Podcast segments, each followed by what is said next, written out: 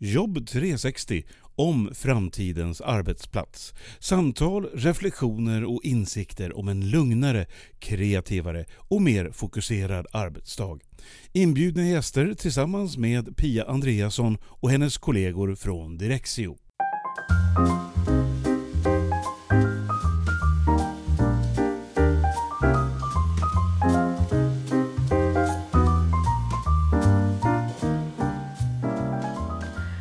Engagemang och motivation. Det är väldigt viktiga saker.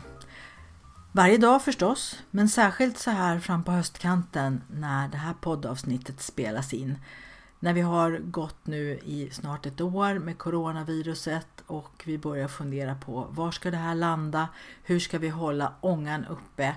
Och vad kan man tänka på för att inte tappa greppet och tycka att allting känns jobbigt? Jag har bjudit in två experter på detta till podden och det är Johan Bok och Niklas Delmar.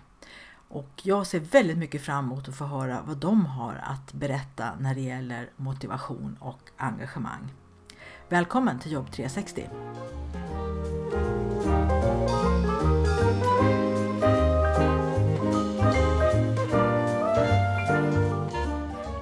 Då säger jag välkommen till podden Jobb 360, Niklas Delmar och Johan Bok. Och ni har ett företag tillsammans som heter Hej Engagemang. Och där jobbar ni mycket med hur man motiverar sig och hur man motiverar människor i ett företag och så. Och jag skjuter raka vägen in på det. Jag känner faktiskt själv att jag behöver väldigt mycket motivation just nu. Det har varit en höst, det har varit november nyss och det är ju alltid lite knäckande sådär. Eh, och det har hänt mycket saker. Vi sitter alla i den här pandemin fortfarande och jag börjar undra hur ska jag nu fixa resten av hösten och hålla min motivation och mitt engagemang vid liv i mitt företag. Och jag antar att det är väldigt många människor som känner precis likadant. Niklas, jag börjar med att fråga dig motivation och engagemang, varför det? Varför ska man ha det? Ja, det är väl en ytterst relevant fråga. Vi har ju jobbat med detta ett par år nu för att vi var lite frustrerade kommandes faktiskt från den frustrationen jag tror du känner nu. Att vi vill ju att folk ska må bra helt enkelt och vi upplevde det som att det fanns en, eh, ett gap mellan hur vi presterar som nation och som befolkning i Sverige och hur vi mår. Och eftersom att motivation och engagemang driver välmående så blev det en naturlig väg för oss att gå. Det var så Hej Engagemang kom till, att vi då bestämde oss för att okej, okay, men vänta nu här, om man tittar i arbetspsykologiforskning så visar det ju sig att har man ett gott ledarskap, som Johan ska få berätta lite mer om sen, så ökar ju eh, engagemanget och också vår inre motivation. Och när det ökar så mår vi bättre och då presterar vi bättre och då skapar vi hållbara resultat över tid. Och det är ju det alla organisationer tjatar om hela dagarna att vi måste jaga resultat. Vet, så här. Oavsett vilken organisation man egentligen befinner sig i. Men vi har upplevt att det har varit på bekostnad av välmåendet snarare än tack vare välmåendet som man har eh, lyckats prestera. Då. Så det är det som är vår take, liksom, att med utgångspunkt i evidensstark forskning driva frågor som leder till ökat engagemang och motivation för att på det viset öka välmåendet. Så din fråga är ytterst relevant Pia. Aha, ja men vad bra då, då är vi precis på rätt spår och vad roligt att höra, då är vi i princip i samma bransch då, i hälsobranschen kan man säga. Vi vill bygga välmående för att jag gör ju det på mitt sätt genom att lära folk att hålla koll i mm. vardagen och inte känna att det är så mycket hela tiden och jag har ingen koll och jag har säkert glömt något och så. Och den där stressen är ju någonting som också hindrar människor från att må bra och prestera. Mm. Eh, så vi jobbar ju på det från varsitt håll kan man säga. Men Johan, det här med hur man bygger ledarskap då, eller bygger engagemang genom ledarskap ska jag väl säga. Niklas var ju inne på den tråden.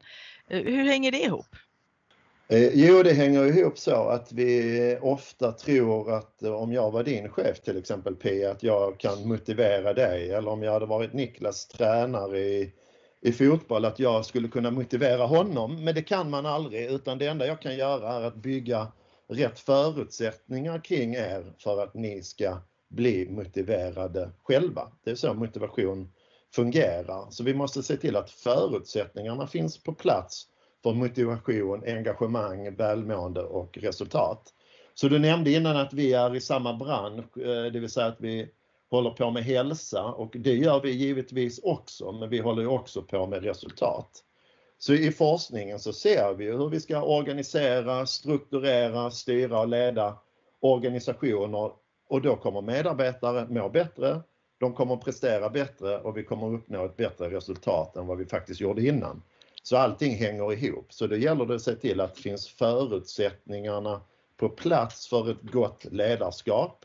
Och då börjar det ju i ledarskapet, men då måste man ge cheferna jäkligt bra förutsättningar att också vara duktiga ledare så att de i sin tur kan skapa fantastiska förutsättningar för sina medarbetare att må bra och prestera bra. Så det handlar egentligen om hur man strukturerar, organiserar, styr och leder sin organisation. Så vi brukar säga det, man får inte mer motivation och engagemang än vad man faktiskt förtjänar. Ah, så det är liksom inte min chef som ska sätta upp såna här morötter och piskor för mig då att, att få mig att göra saker utan motivation Nej. byggs genom att lägga rätt förutsättningar. Japp, och då pratar man om, det finns två olika sorters motivation. Om man hade tittat på traditionell motivationsforskning för 20 år sedan och så hade man frågat alla så här, är motivation bra?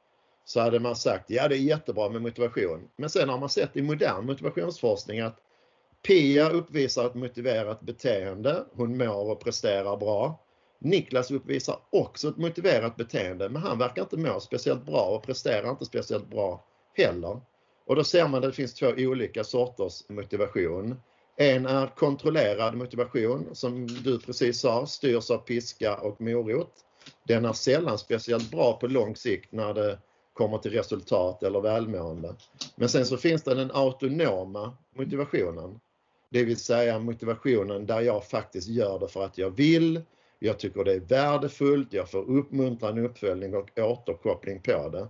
Då ser man att de som styrs av den autonoma motivationen, de mår mycket bättre och presterar mycket bättre. Så piska och morot är faktiskt någonting som är dåligt, så kallad fel sorts motivation om man vill må bra och prestera bra över tid. Okej, då tänkte jag höra en till sån här om vad forskningen säger om en metod som jag har använt rätt ofta, framförallt med mina barn då som är vuxna numera. Eh, den här tjatmetoden och eh, jag sa saker väldigt ofta till dem att gör si och gör så och till slut så ruttnade de på det, särskilt när de var tonåringar då och sa att nej men varför håller du på och tjatar om det? Och då sa jag om du tycker det är jobbigt med det här tjatet så gör som jag säger då så slipper du tjatet. Är det, är det, var det sån här kontrollerad Typiskt, eh, typiskt dåligt sätt att påverka beteenden. För då, okay. då kommer vi in på beteendepsykologi, så tillrättavisningar är ett otroligt dåligt sätt att styra beteenden. Man kanske kan, styra det, man kanske kan styra det på kort sikt, utan det man ska göra som är väldigt tydligt inom beteendepsykologin, om jag vill att mina barn ska göra någonting annorlunda, det underlättar för mig om de faktiskt vill göra det, än om de inte vill det. Så det man säger inom beteendepsykologin det är att det finns tre kriterier för att jag ska förändra ja. ett beteende. Nummer ett, att det finns ett, ett attraktivt mål och en riktning, det vill säga någonting man vill uppnå med sitt beteende som jag tycker verkar rimligt och bra. Och så måste jag också ha klart för mig, vad är det jag ska bidra med? Det vill säga, vad ska jag göra? Nummer två gällande de här kriterierna, det är att då ska jag direkt när jag gör de här beteendena då ska jag bli uppmuntrad för det. För ju mer vi blir uppmuntrade för ett beteende, desto mer kommer vi att göra det. Desto mindre uppmuntrade vi blir, desto mindre kommer vi att göra det. Också att jag, nummer tre, upplever en tydlig målprogress. Så det med tillrättavisningar brukar jag säga, det är den late föräldern eller chefens sätt att försöka förändra beteenden. Men det är fan till mig inte någonting bra när det kommer till beteendeförändringar och man upplevs ganska ofta som en liten tråkig detaljstyrande chef eller förälder. Utan det man ska göra det är att få barn eller sina medarbetare vara med på att så här är målet för hur det ska se ut i vårt hem eller på vårt arbetsplats och vad vi ska uppnå. Men även då att involvera dem i hur ska vi lyckas med det?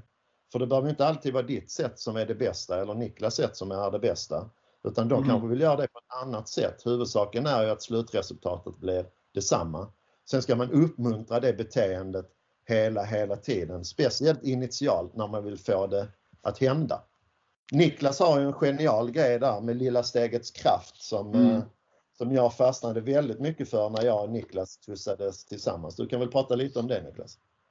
Ja, jag, jag är också uppfostrad med den eh, sortens av eh, metodik som du nämner nu Pia och det tror jag de flesta av oss i våra generationer är. Och jag märker ju en extremt stor skillnad faktiskt på när jag själv nu uppfostrar våra barn.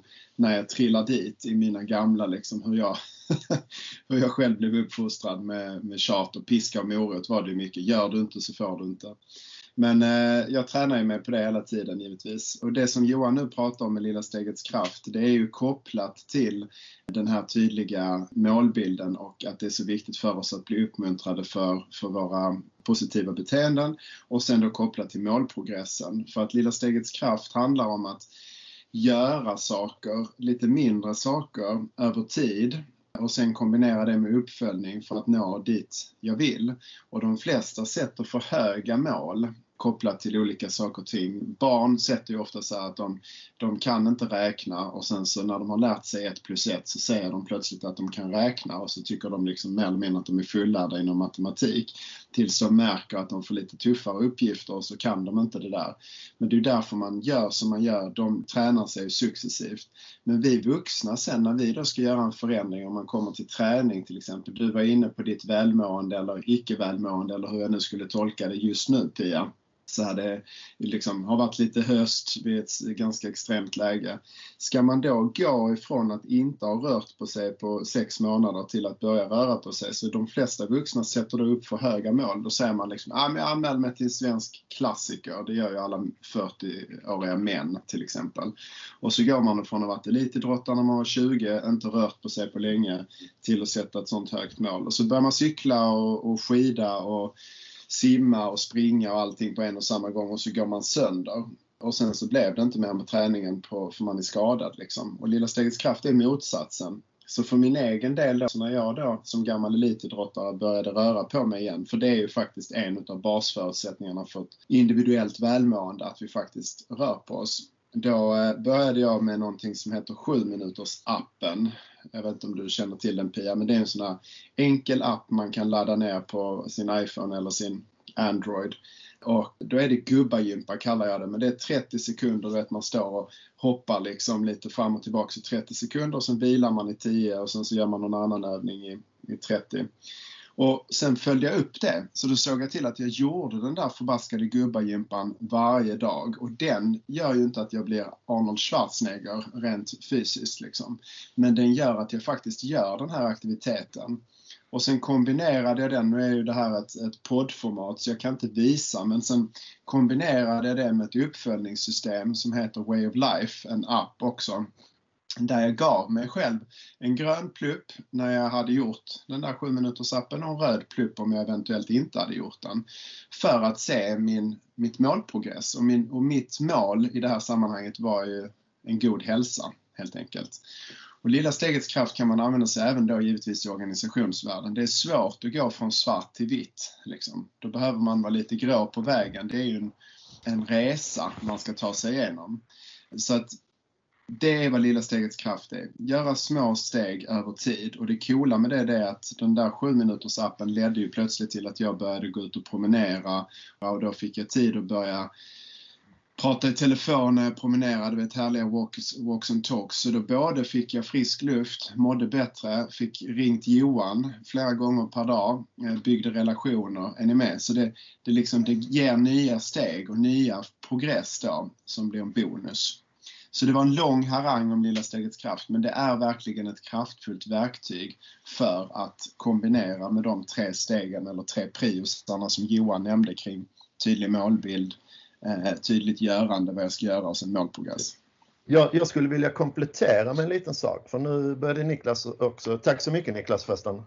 Vi sitter på olika håll här så vi ser varandra på skärmen men vi är inte fysiskt nära varandra. Ja, Niklas var inne på att röra sig eh, och det som är viktigt att veta som organisation det är att man ofta har friskvårdsbidraget och det låter ju som någonting som skulle få medarbetarna mer friska än annars. Men om man tittar i forskning så finns det ingen korrelation överhuvudtaget mellan att Pia som har friskvårdsbidrag i organisation X är mer frisk än Niklas som inte har friskvårdsbidrag i organisation Y. Så man ser ingen korrelation mellan att ha friskvårdsbidrag och att vara frisk. Där man däremot ser en jäkligt stark korrelation det är att om man har en duktig chef. Där finns en otroligt stark korrelation till att framförallt vara frisk här uppe i knoppen. Det vill säga att man blir inte lika stressad, man känner inte av en lika hög arbetsbelastning och man blir inte sjuk eh, rent psykiskt i lika hög grad som de som har lite sämre ledarskap. Så det gäller att börja i rätt ände. Vill man ha friska medarbetare då måste man börja i ledarskapet. Se till att man har duktiga ledare.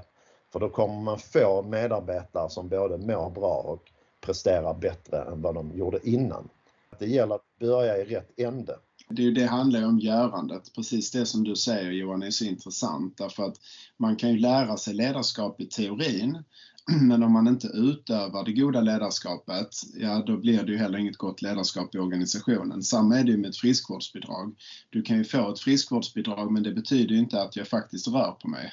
Nej, definitivt så, så, så det, det ligger i görandet. Det är också därför vår bok Börja göra heter just Börja göra, för det är ju görandet och vårt varande som leder till våra nya resultat som vi vill ha. Liksom. Så det är rätt coolt hur det där går igenom i alla områden i våra liv. Att det är en sak i teorin och en annan i praktiken. Ja, ja verkligen. räcker inte med att lägga morötter i kylen för att barnen ska äta, om man nu jämför med barn igen här. Utan... Då är vi tillbaks i beteendepsykologin. Vad är det som får oss att börja göra saker? Och det är där de flesta organisationer och människor går bet. Det vill säga att man bygger inte in strukturer som får cheferna att börja göra de här goda ledarskapsbeteendena. För då måste vi backa till de här tre kriterierna. Att jag som chef upplever en tydlig målbild. Vi ska ha ett fantastiskt bra ledarskap i vår organisation. Jag förstår hur jag ska bidra. Jag uppmuntras för mina goda ledarskapsbeteenden och jag upplever en tydlig målprogress. Det vill säga att jag kan belöna min hjärna med att se att oj, nej men nu upplever faktiskt mina medarbetare ett bättre ledarskap än innan. Det vill säga att man då börjar mäta i sin organisation hur medarbetarna uppfattar ledarskapet. För annars kommer jag aldrig börja med de här goda ledarskapsbeteendena. Så det är väldigt viktigt att titta på att vår intention och vilja får alltid stryk av situationen och kontexten vi befinner oss i. Vill vi börja göra nya saker måste vi titta på kontexten vi simmar i. Främjar den att jag börjar göra nya saker eller hämmar den det? Ja, det här med ledarskapet som du pratar om, det gäller ju faktiskt både i organisation och där antar jag att det är lite komplicerat att hitta det här goda ledarskapet och vad är det i en viss organisation som är ett gott ledarskap? Vissa behöver väl lite tydliga riktlinjer och man känner sig trygg om chefen berättar så här gör vi för då funkar det. Och andra organisationer behöver väl en mera kreativ miljö där människor letar efter nya lösningar och nya vägar. Eller hur Niklas? Det är olika för ja. olika organisationer hur ett bra ledarskap ser ut. Ja exakt, på, på ett sätt ju kulturellt och så men, men i liksom teorin så är det ju ett par saker som ska vara på plats. Då. Vi pratar ju mycket om self-determination theory som du också eh, säkert känner till väl Pia som är en metaanalys och enligt den teorin idag som människor känner sig kompetenta, autonoma och känna samhörighet för att ges så bra förutsättningar som möjligt för att inre motivation ska uppstå. Och eh, det som du säger då är ju att det är ju olika för olika individer. Att Johan upplever ju sig kompetent eh, under vissa förutsättningar och jag under andra. Och vad som är autonomi för Johan kanske inte är autonomi för mig. Och Johan känner samhörighet när X och Y händer och jag när Z och Å och Ä händer. Så det är ju det som är det spännande att det är vissa, vi har ju samma psykologiska behov oavsett om vi är gamla eller unga, eh, oavsett etnicitet och kön och så vidare.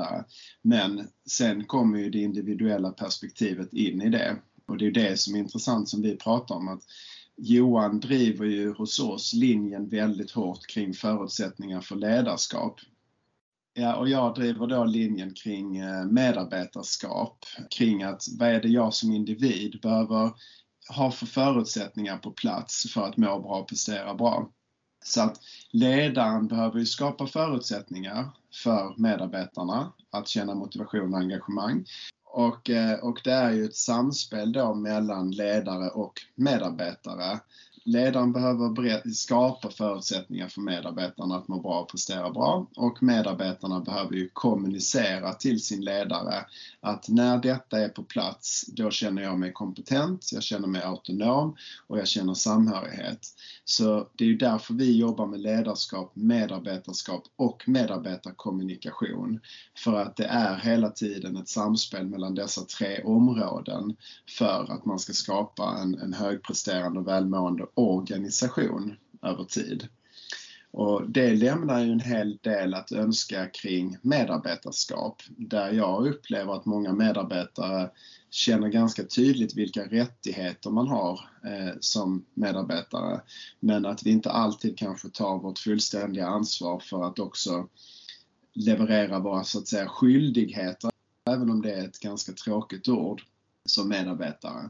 Så det finns ju en hel del kring självledarskap och eget ansvar som vi också tycker är intressant då på Hej-engagemang i kombination med allt det som Johan har berättat om hur man skapar förutsättningar för andra.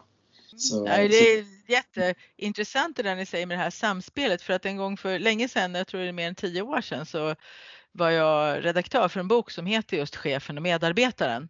Mm. Eh, som Christer Ackerman skrev och där gjorde jag det faktiskt så att den boken har två framsidor. Den ena framsidan börjar medarbetaren läsa, den andra framsidan börjar chefen och läsa och så bearbetar man samma bitar tillsammans förstås i olika sekvenser och så möts man eh, mm. på mitten då förstås. Och det där tyckte vi var en fantastiskt bra bild över just det här som du beskriver, att det går ju från två håll.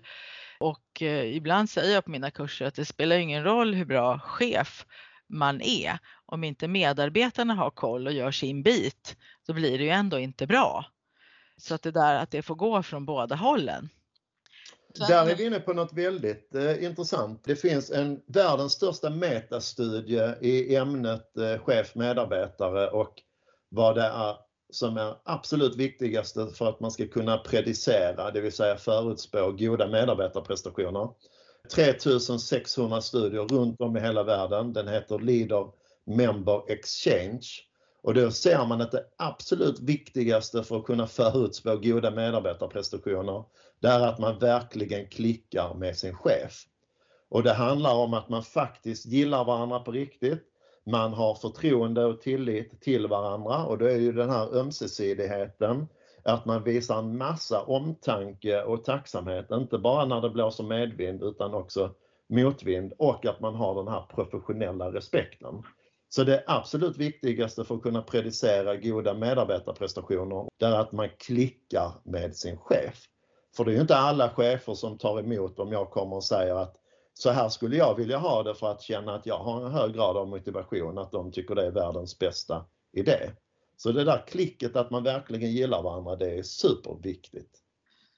Eh, Johan, du har ju introducerat ett eh, begrepp i mitt liv som jag nu introducerar i många andras liv kring total arbetsprestation ja. Eh, som kopplar till detta och jag älskar det. För då, som du beskriver det ju och det kommer från en kille som heter Will Phelps som är vid universitetet i södra Australien som har tittat på, på en massa studier kring detta då, att total arbetsprestation idag handlar ju om att utföra sina arbetsuppgifter väl. Det är nummer ett, det kommer vi liksom aldrig undan. Så det är en del. Men sen är nummer två att vara en schysst och omtänksam kollega. Och trean är att det finns inget utrymme för egoistiska beteenden.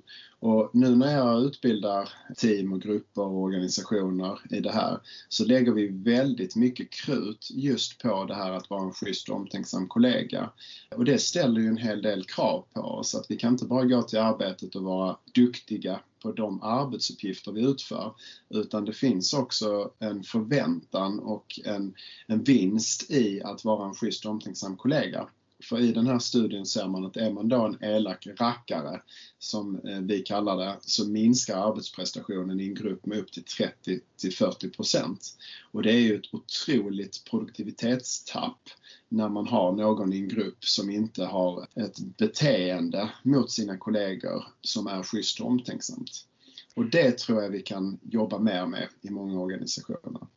Och då är vi ju nere på, på själva grundtankarna där i värderingar för att precis som det här med som ni sa med den här self-determination theory att autonomi, kompetens och samhörighet betyder ju olika för olika personer så måste vi synka ihop alla de här medarbetarna så att begreppet bra kollega innebär samma sak för allihopa. För att det tror jag eh, ni och många som lyssnar har varit med om att man har gjort någonting som man upplever som bra och sen så upptäcker man att nej men det var inte alls bra. Jag kanske bakade en kaka och tog med och så visade att tre personer var glutenintoleranta och det där, det där borde man ju ha tänkt på. Och så tänkte man inte på det och så vart det tokigt för att ta ett exempel. Det är väl det ni jobbar med antar jag, att få de här grupperna av människor att se det här. Vad är en bra kollega hos oss och hur agerar man då? Hur är man mot varandra? Eh, något jag skulle vilja tillägga det är att också definiera hur är vi inte mot varandra? Det glömmer man ofta bort. För de där negativa beteenden har ju vår hjärna en, en benägenhet att fästa mycket mer tid, kraft och uppmärksamhet på.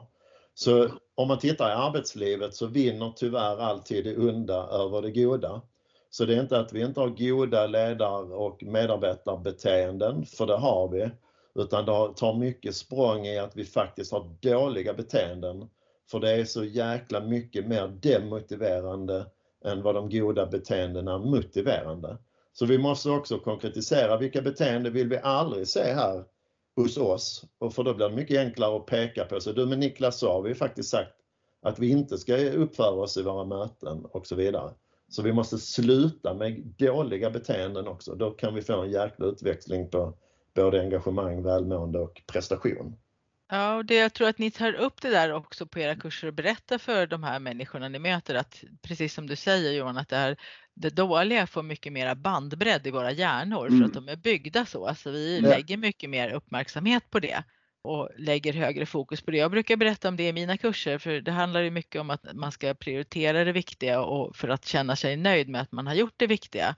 Att eh, om en tråkig kollega kommer med någonting eh, och en jätteschysst kollega kommer med någonting så tenderar vi kanske att eh, man tar den här ilskna kollegan eller vad man ska säga, man tar den personens sak först för att bli av med obehaget. Men att eh, när jag har berättat det här för dem hur hjärnorna funkar så vill jag att de ska fokusera mera på vad är det egentligen som ligger framför oss? Vad är det för uppgifter vi har? Och bara för att den obehagliga kollegan tittar ilsket på mig så kanske jag fortfarande ska välja den bra. Eller tvärtom då, då. Jag kanske väljer min schyssta kollega för att hålla mig väl med henne eller chefen. Men själva kan det vara den här otrevliga kollegan som kommer med det viktigaste. Att jag måste försöka se bort ifrån hjärnans grundsätt att reagera och istället faktiskt fokusera på uppdraget som vi har.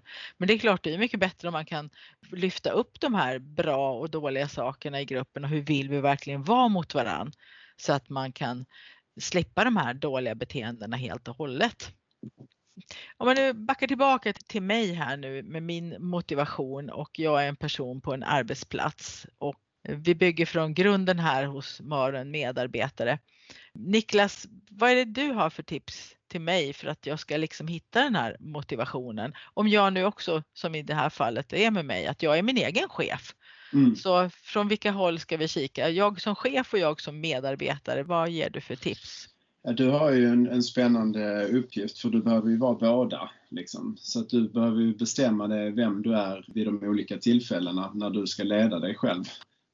Men du behöver göra allt det som Johan sa kring liksom tydlig målbild och uppmuntra dig själv och allt det där. Och det är väldigt svårt samtidigt som du behöver ha koll själv blir glad av och, vad du behöver ha för förutsättningar på plats. det är svårt för egenföretagare och mitt bästa råd i det sammanhanget, för både Johan och jag har ju varit egna under långa perioder, har ju då skapat andra sorters strukturer för det och jag personligen har då tagit hjälp av till exempel Johan, även om inte vi delade aktiebolag eh, vid de tidpunkterna när vi, eller den tidpunkten när vi lärde känna varandra. Men det som jag alltid personligen utgår ifrån är ju liksom ett par steg ner på min behovstrappa innan jag börjar titta på hur jag ska rent professionellt motivera mig så har det med hälsorelaterade saker att göra.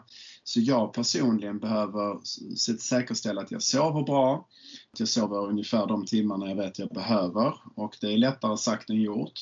Och att jag rör på mig, att jag har en god kosthållning och alla de där bitarna som vi har andra kollegor i branschen som är ute och jobbar mycket med, inte minst Anders Hansen som ju har lyckats sälja fasligt många böcker på att berätta att vi ska röra på oss för då mår vår hjärna bra. Eh, och det är inte som att vi inte vet det, men vi behöver bli påminna om det. Men när det väl är på plats så handlar det Johan har pratat om. Alltså är det tydligt vart du vill? Liksom, har du en tydlig målbild? Hur har du säkerställt en struktur för att du uppmuntrar dig, firar de små framgångarna?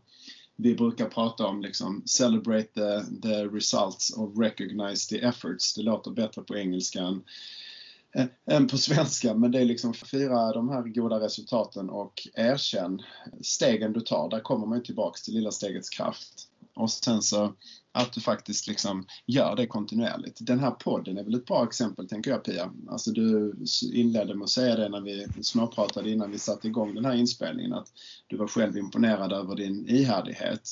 Och det är jag också. Det är inte så lätt, varken med fysisk träning eller med professionella arbetsuppgifter, att orka över tid. Jag börjar alltid kolla på det fysiska och psykiska för min egen del. Då. Och sen pratar jag med Johan och säger att du, jag känner mig deppig idag, jag är seg och då ber jag om hjälp. Vilket jag alltid får från Johan, Elin och Emma som är mina närmaste kollegor.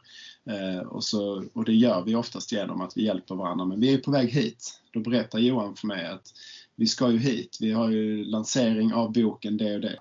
Eh, och så uppmuntrar vi. Ja, eller jag vet inte vad du säger Johan, men jag har aldrig varit i ett kontext där jag har blivit uppmuntrad så mycket som jag blir nu. Och får jag inte det automatiskt av Johan, vilket, eller Elin eller Emma, vilket jag får väldigt ofta, så ber jag om det. Och då får jag det på 30 sekunder så är det någon som skriver i vår WhatsApp-slinga. Och för dig Pia då tänker jag att ett råd som egenföretagare när man är helt solokvist, det är ju att hitta en struktur runt omkring sig, ett sammanhang där man hjälper varandra. Och det försöker vi göra i Här engagemang också med våra egenkonsulter som vi har som samarbetspartners som vill också känna samhörighet och tillhörighet. Liksom.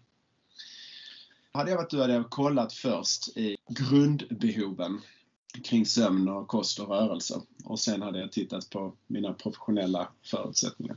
Det här med målbild och att uppmuntra sig själv och ja. lilla stegets kraft där som du berättade om, att man verkligen ser de här små stegen som man har tagit. Och det gäller ju mig och det gäller egentligen alla på, på vanliga arbetsplatser också, att man ser sig själv i sin profession och ser att jag gör ju faktiskt bra grejer varje dag. Och det är ju en sak som jag försöker få folk att uppnå genom att man planerar vad man ska göra så kan man ju också titta bakåt och se, gjorde jag det här? Och då säger jag förstås till alla att det räcker, man kan ju inte räkna med att allting man planerar går in. Men Nej. om man tittar bakåt på en dag vad man har planerat att göra, har man landat 70-80% så är det ett fantastiskt bra resultat. Precis. Men det där fantastiska resultatet kan man ju inte se om inte man hade en tanke innan. Vad var det jag ville uppnå idag? Nej. Och en sak som jag också lär i mina kurser det är ju att alla de här små grejerna man gör, men när man kanske har fem samtal man ska ringa under en dag. Ja, och så ringer man fyra och, och når dem och den femte jobbade inte idag utan åter imorgon. Ja, men då har man ju faktiskt lyckats med någonting. Men det är så lätt att glömma de där små sakerna som man faktiskt gör och levererar varje dag. Jag håller med och det är därför jag gillar det här med måltavlor. Min måltavla då i form av den här Way of Life-appen till exempel, den har ju högt och lågt. Den inkluderar både rört på mig och att jag har gjort de grejer som jag vet jag mår bra av rent fysiskt och psykiskt. Och att jag gör mina arbetsuppgifter som jag, Johan och Emma och Elin har kommit överens om är fokus för oss just nu. Och det funkar bra för mig. Men jag får ju också feedback på att jäklar vad tråkigt eh, och liksom behöva klicka in grön och röd varje dag. Det passar inte alls mig. Och då får man hitta en annan struktur för det. Men jag kan ju varje dag när jag går och lägger mig se huruvida jag har gjort det jag sagt jag ska göra. Och då blir jag ju såklart nöjd. Alltså då, då får jag ju en känsla av att ja, ytterligare en dag när jag liksom gjorde det jag sa jag skulle göra och det bygger ju mitt självförtroende och mm. att jag orkar över tid. Ja precis och det är just den känslan jag vill att alla som går min kurs också ska gå hem med varje dag och varje vecka liksom eh, på fredagen och känna att japp vad bra jag har gjort. En annan sak Johan, jag fastnade lite grann i det här med self-determination theory, alltså det här autonomi och kompetens och samhörighet, att det är olika för olika människor. Och där tänkte jag du skulle få ge lite input här Ja. på slutet. För att jag var, ja det här med träning och sånt som Niklas är inne på, jag har ju provat massor med olika modeller och så, bland annat gick jag ju på Friskis och Svettis. Och eh, han, personen som jag är gift med, han tycker jättemycket om de här grupppassen där man liksom eh, gör samma saker. Man springer runt, man står och viftar allihopa på samma sätt och jag var med. Efter tio minuter så gjorde jag tvärs emot därför att jag fixade inte att bara göra som alla andra. Sen har vi hittat en medelväg i det här med cirkelfys. Vi gör samma saker men man gör sin egen grej på den stationen och alla skiter i vad den andra gör utan man bara gör sin egen grej. Men vi är ändå i samma rum och, och har samma mål. Men vi gör det väldigt mycket individuellt fast på samma sätt. Är ni med? Ja, Och där men, landade men jag. samma Så hur- resultat. Ja, så hur kan en Mm. chef liksom inte se en sån här som jag som inte vill vifta i takt ändå som en som kan göra samma sak som gruppen? Alltså hur kan man som chef hitta det här? Nu blir det lite Ja, men då eh, kommer vi in kort svar på lång fråga kanske. Ja, men då kommer vi in på autonomin. Och om man tittar i undersökningar så har vi ju, eh, vi som är egenföretagare upplever ett mycket högre engagemang än om man är anställd eller till exempel jobbar inom offentliga verksamheter. Vi sticker verkligen ut, vi är egenföretagare, men vi har ju en enorm autonomi. Du sa att du har varit väldigt ihärdig med din podd. Ja, det är ju förmodligen för att du ett, tycker den är jäkligt viktig. Nummer två, du tycker den är kul att göra. Men om du har varit anställd och göra den och så plötsligt är det någon annan som kommer in och dikterar villkoren för hur ofta de ska göras, vem du ska bjuda in, vilka frågor du ska ställa. Då hade din motivation ganska snabbt gått neråt, skulle jag ju kunna sätta min eh, vänstra hand på. Så där har vi det ju lite väl förspänt. Men när det gäller self-determination theory, det är gemensamt för alla människor i hela världen. Vi har ett behov av att känna oss kompetenta. Vi har, vill ha en hög grad av autonomi. Och så kan man se i organisationer där folk inte är vana vid det, då kan det vara en liten tröskel när man inför det.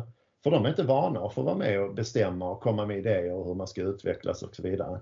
Men samhörigheten och den psykologiska tryggheten är också viktigt i hela världen, att man känner sig trygg när man kommer till jobbet, man känner en hög grad av omtanke och så vidare. Men de där psykologiska behoven, de kan ju tillfredsställas på lite olika sätt, men alla gillar positiv feedback på arbetsprestation. Men jag kanske vill få den inför alla på kontoret och Niklas vill få den eh, i det eh, enskilda samtalet med sin chef. Så när vi pratar om self-determination theory, då handlar det om ett ledarskap som är mer coachande, det är mer visionärt, det handlar inte om styra och kontrollera, snarare om att visionera och engagera. Det vill säga den viktigaste uppgiften är att skapa förutsättningar för medarbetarnas engagemang, välmående och prestation. Och när vi då pratar för stora, kanske internationella bolag så kan de vara så här, men Johan, ni, vi kan bara ta det som till Italien eller i de länder i öst där det är väldigt strikta hierarkier. Det hade aldrig fungerat hos oss. Men det man ser i metastudier det är att ju mer hierarki, desto mindre chefer och medarbetare förväntar sig det här ledarskapet, desto bättre kommer effekten att bli. Så effekten blir alltid bättre med det här mer engagerade ledarskapet som styr mot en vision och inte detaljstyr.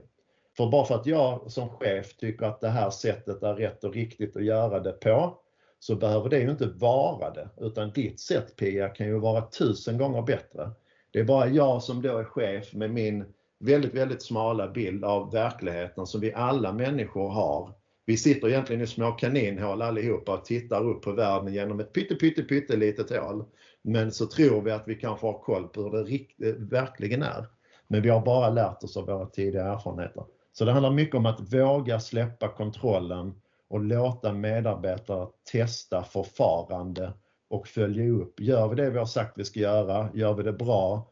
Och hur blir utfallet på det? Det vill säga effekthemtagningen. Så det handlar om att bjuda upp till dans och låta medarbetare få vara med och staka ut vägen till framgång. Och då måste man våga släppa kontrollen. Okej, det här är ju superviktiga saker. Jag får ju med mig väldigt mycket från det här samtalet. Det här med tydlig målbild och eh, att uppmuntran och beröm är så himla viktigt. Men också att inte sätta för höga mål som du var inne på Niklas, det här med lilla stegets kraft, alltså att man tar små steg och sen, sen visar tydligt för sig själv och att man också får veta från sin chef att det här, det här var bra grejer. Mm, varje dag den här lilla belöningen att man tickar i att nu gjorde jag det och nu gjorde jag det. Mm. Eh, och sen blir jag också lite nöjd. Jag får ju kanske be mina barn om ursäkt då för det här med tjatmetoden. men, men jag kan ju också berätta att vi hade en annan metod i vår familj som direkt anknyter till det här. Det var den här vikten av beröm. Mm. Eh, och då hade vi till och med ett talesätt därför att min son skrev en berättelse om en kille som gjorde bra grejer och fick beröm. Han stavade fel. De fick skriva sina sagor i andra klass och så skrev han beröm.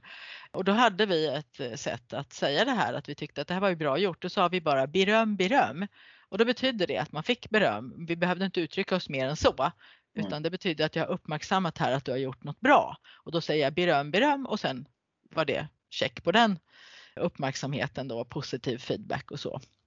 Mm. Så att dels en ursäkt kanske för tjatmetoden som jag ändå fann faktiskt väldigt effektiv för de börjar ju tänka efter vad vill jag egentligen uppnå och mamma har nog rätt när hon säger att det vore bättre om jag... Punkt, punkt, punkt. Och sen så skruvar de lite på det men, men det är klart det kanske var ett trögt och dåligt sätt att uppnå det resultatet. Det hade kanske varit bättre med lite beröm, beröm för bra grejer istället. Men det, jag kan lägga till där, Johan, du, första gången jag lyssnade på dig så fastnade jag för ett uttryck som jag nu då själv använder väldigt ofta. Det är just det här att belöna slitet i första hand och resultaten i andra hand. Eh, och slitet är ju då just det du pratar om nu Pia, görandet och lärandet som vi kallar det. Och jag tänker jättemycket på mina egna barn nu då och jag kan bara kort berätta när vi flyttade nu för några veckor sedan så av någon anledning så hade de en väldigt stark inre motivation kring att själva packa ihop det förra rummet då. Så de packade och packade och de slet jättemycket då. De är bara 9 och 11 år så de är inte så gamla liksom. Och de var så nöjda och lådorna är ganska roliga för någon vägde 200 gram och någon vägde 400 gram. Du vet, de, de var liksom färdiga, de packade enligt deras system. Och jag lät dem göra det för de tyckte det var så kul. Men hade mitt kontrollerande Niklas, för jag har en rätt stark kontrollerande ådra i min grundkodning, liksom, gått in och börjat vet, så här, men den lådan kan du packa mer i och, och liksom hålla på med sådana typiska ledarskapsbeteenden som jag ser ofta i organisationer, så hade jag ju sannolikt dödat motivationen. Men i och med att jag belönade deras slit, liksom, så bara när de var färdiga med det där barnrummet så kom de ut och vad kan vi packa nu? Kan vi hjälpa till i köket? Kan vi hjälpa till i vardagsrummet? Och det tror jag är ganska ovanligt för två tjejer i 9 och 11 års åldern att de vill vara med och göra just den delen av en flytt. Liksom. Så det funkar verkligen. Och jag tackar verkligen dig Johan för, för den där meningen liksom med slitet i första hand och resultatet i andra hand. Och det kan jag ju använda mig av i alla områden i mitt liv. Så det är verkligen ett jättebra tips till er alla som lyssnar på detta. Mm. Och jag tänker så här också att om jag själv har den inställningen att nej men jag har faktiskt gjort en bra grej här. Då blir jag inte lika beroende av att få den här yttre bekräftelsen. Precis. Och det, det, är ju en bra sak att ha för att jag kan ju inte hela tiden räkna med att jag har en chef eller en partner eller en förälder som hela tiden kommer till mig och gör den här bekräftelsen. Det är också någonting som jag lärde mina barn, eh, för kanske jag kan få lite mera pluspoäng här, att du måste lära dig att berömma dig själv för du kan inte räkna med att du alltid får tillräckligt ifrån omgivningen. Nej, jag håller med. Jag sa godnatt till Emelie igår som är 11. Så sa jag eh, godnatt lilla älskling, jag älskar dig över allt annat. Och så sa hon eh, godnatt pappa, jag älskar också mig.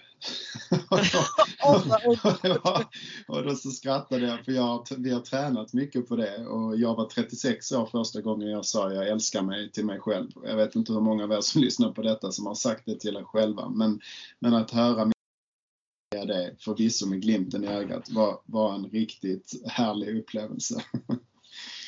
Ja, jag har faktiskt ett annat eh, tips från en kollega till mig, David. Han började varje arbetsdag, ägnade han 10 minuter åt början på morgonen. Utifrån mina mål, vad är det viktigaste jag ska göra idag? Då är vi tillbaka på våra beteenden. Sen ägnade han alltid de sista 10 minuterna åt att skriva ner, vad blev det av den här dagen? Vad gjorde jag bra? Eh, nummer ett. Och då kommer vi inse att vi har gjort en massa bra saker idag, men också vad gjorde jag mindre bra och vad gör jag åt det imorgon? Så han började varje dag och avslutade varje dag. Vad är det jag ska göra idag utifrån de målbilder som jag har? Och så summerade han och utvärderade varje dag innan han gick hem från jobbet. Och det var ingen liksom så här om han skulle göra det eller inte, utan han gjorde det varje, varje dag. Så det skulle jag säga är ett väldigt bra tips också, att ta sig tiden att faktiskt göra det. Ja, fantastiskt. Alltså vilka mycket bra tips jag har fått och alla andra som lyssnar förstås också kring det här med motivation. Jag har ju verkligen fått svar på frågan i början där motivation, varför det? För nu förstår jag mycket mer om varför det är så viktigt. Också det här med, med berömmet, alltså inte tänkt på att det, man behöver det väldigt mycket. Få höra att man har gjort bra saker och att man kan säga det åt sig själv till och med. Som den här kollegan som du berättade om på slutet Johan, att han tittade efter varje dag vad han verkligen hade gjort bra. Mm. Så jag får tacka er så jättemycket Johan och Niklas för att ni ville vara med tack. i Jobb 360. Stort tack för att vi fick vara med.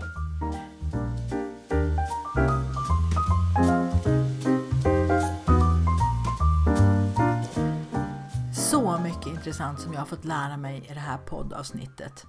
Och att det faktiskt inte behöver vara så invecklat det här med motivation och engagemang.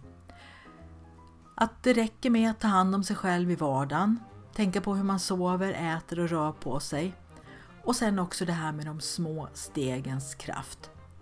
Det behöver inte vara stora och märkvärdiga saker man gör, men gör man dem regelbundet över tid så kan man få väldigt stor effekt. Så vad tänker du göra för att hjälpa dig själv till engagemang och motivation under det kommande året? Det kan du fundera på och vi hörs framöver. Tack för att du lyssnar på Jobb 360.